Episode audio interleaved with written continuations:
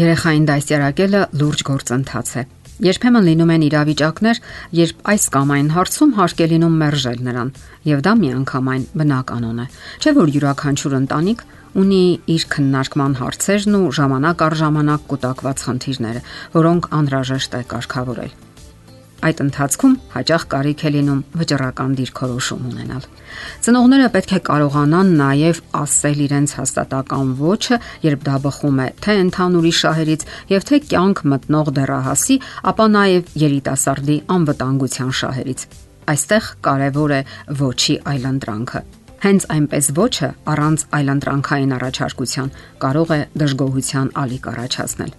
Դասերակցության գործընթացում հաճախ են խնդիրներ առաջանում ընկերների ընտրության հարցում։ Հաճախ ծնողներին թվում է, որ այս կամ այն անկերակցությունը վնասում է իրենց դեռահասին։ Օրինակ, աղջկա ծնողները կարող են չխրախուսել որևէ տղայի հետ նրա անկերակցությունը։ Նրանք մտածում են, որ դա միայն վնաս է պատճառում իրենց աղջկան։ Պետք է կարողանալ ասել վճռական ոչը։ Նույնը տղաների դեպքում է, երբ որոշ ընկերակցություններ կասկածելի են թվում։ Սակայն այս դեպքում կարելի է այլ մոտեցում ցուցաբերել, հնարավորություն տալ դեռահասին տան միջավայրում շփվել ընկերների հետ։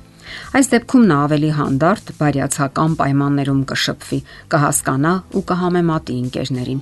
Սակայն խնդիրը նաև այն է, որ արգելված պտուղը հաճախ ցանկալի է թվում եւ երեխան կարող է թաքցնել ընկերությունը։ Եթե իրավիճակը իսկապես վտանգավոր է, ծայրահեղ դեպքերում հնարավոր է նաև այլ քաղաք տեղափոխվել։ Իսկ բոլոր դեպքերում պետք է կանխատեսել, որ դեռահասը կարող է բողոքել։ Նկատենք, որ մեր ժամանակներում հիմնախնդիրների բազմաթիվ այլ ոլորտներ են բացվել, որոնցից յուրաքանչյուրը արժանի է առանձին հիշատակման։ Դա կարող է լինել ընտանեկան մեքենան, ընդհանուր օգտագործման հեռախոսը, հաղորդակցման ժամանակակից միջոցներից օգտվելը, համակարգիչ, բջջային հեռախոս եւ այլն։ Այս բոլորը կապ ունեն դրամական ծախսերի հետ եւ առանձնահատուկ ուղղորդումների կարիք ունեն։ Ծնողները լիակատար իրավունք ունեն վերահսկելու այս ոլորտները եւ թույլ չտալու ավելորտ անիմաստ վատնումներ ու շռայլություններ։ Այդ բոլորը կարելի է օգտագործել որպես խրախուսման միջոց եւ առավելություն, իսկ հետագայում արդեն անցնել այն բանին, որ նա կարողանա ձեռք բերել սեփականը։ Բոլոր դեպքերում ծնողները պետք է արդարացի լինեն իրենց որոշումներն ընդունելիս, որpիսի չվիրավորեն ու չնվաստացնեն դեռահասին Այդ տարիքում նրանք զգայուն են եւ որոշակի հաշիվ են տալիս ընդունված արժեքներին եւ չափանիշներին, ինչպես նաեւ իրենց ընկերական շրջապատին։ Խուսափել է պետք նաեւ այնպիսի ավելորդություններից, որոնք դուրք են տալիս ժամանակակից վատնողական, սպառողական տրամադրություններին Միայն նյութական արժեքների վրա կենտրոնանալը հատուկ է մեր օրերի մտածողությանը, սակայն խլամիտ ծնողը պետք է կարողանա հստակ սահմանազատում անցկасնել նյութական եւ հոգեվոր արժեքների միջև։ Ցավոք, ոչ քիչ դեպքերում ծնողներն իրենք էլ չեն կարողանում անցկасնել այդ սահմանազատումը։ Այդ դեպքում ինչ կարելի է սпасել երեխաներից։ Մեր օրերի հոգեբանությունը ուժի, իշխանության, դիրքի եւ հարստության հասնելու հոգեբանությունն է։ Սակայն չէ որ ոչ մի հասարակություն չի կարող երկար գոյատևել առանց հոգևոր բարոյական հիմքի եւ առողջ արժեհամակարգի։ Իսկ երեխաների դասյարակությունը այդ առումով առաջնային կարևորություն ունի որպես գալիքի գրավական։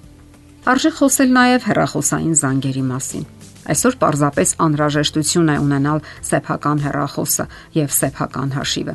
Դարձյալ հարկավոր է խոհեմ լինել չվիրավորելով դեռահասին եւ թույլ չտալով ավելորդ վատնումներ, ավելորդ զրույցներ, որոնք թե ժամանակի եւ թե դրամական միջոցների կորուստ են եւ սպառում։ Եվ նորից կրկնենք, որ ժամանակակից հոգեբանությունը եւ ընդունված արժե համակարգը պարտադրում են բացասական մտածողություն ունենալ թանկարժեք կամ գերժամանակակից հեռախոս կամ հաղորդակցման այլ միջոցներ նշանակում է լինել մեկ այլ դիրքի եւ կարգավիճակի անznավորություն։ Հարկավոր է երեխաներին ազատ ագրել նման մտածողությունից, չէ որ նրանք ավելի զգայուն են այդ հարցերում։ Նաև եղեք պահանջկոտ, որpիսի երեխաները կատարեն իրենց խոստումները եւ պարտավորությունները։ Հակառակ դեպքում դուք կարող եք նրանց զրկել որոշ առավելություններից։ Այդ տարիքում ֆիզիկական պատիժներն արդեն պետք է լինեն բացառություն։ Իսկ ահա որոշակի ապարքևներից զրկելը կարող է բավականին օգուտ տալ նրանց եւ դարձյալ չմոռանանք արդարացիության սկզբունքի մասին։ Հետևեք, որ նա ժամանակին տուն գա, կատարի տված խոստումները, կատարի իրեն հասանելիք տնային առաջադրանքները առանց ավելորդ հիշեցումների եւ հանդիմանությունների։